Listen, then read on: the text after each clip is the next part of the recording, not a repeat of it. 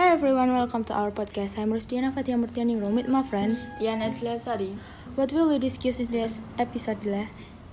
In this episode, we will discuss about the historical events on the Surabaya Battle which was a battle after Indonesia independence.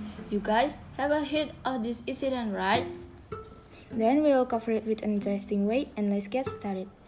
Dila, I want to ask you first. Do you know that the Battle of Surabaya took place not long after Indonesia independence? Really? So even though Indonesia has achieved independence, it is possible that three will be fighting in the future.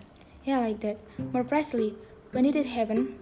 Fighting broke out on 30 October after the British commander Brigadier A.W.S. Mallaby was killed at skirmish.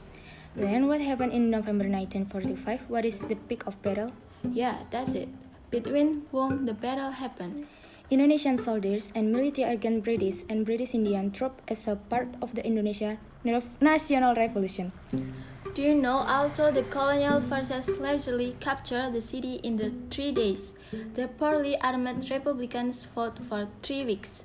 Yeah, and thousand days as the population fled to the countryside.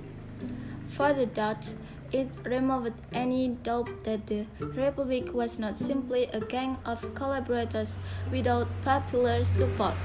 It also had the effect of convincing Britain that wisdom lay on the side of neutrality in the revolution.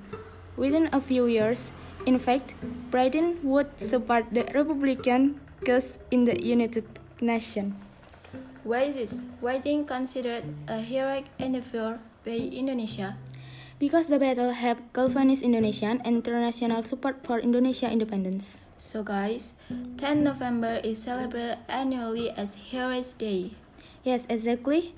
That's really great story, right? But we have been at the end of discussion about the Surabaya battle in this episode. Thank you for listening out to our podcast and See ya.